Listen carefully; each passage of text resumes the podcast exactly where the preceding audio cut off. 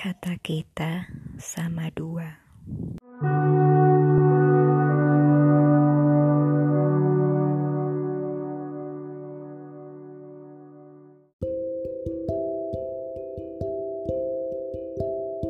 Merindukan candaan kita memang menyakitkan.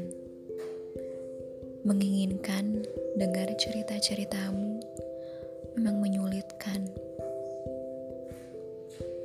Tetapi semua jadi mudah bila ku ingat-ingat bahwa kau bukanlah yang bisa aku terima.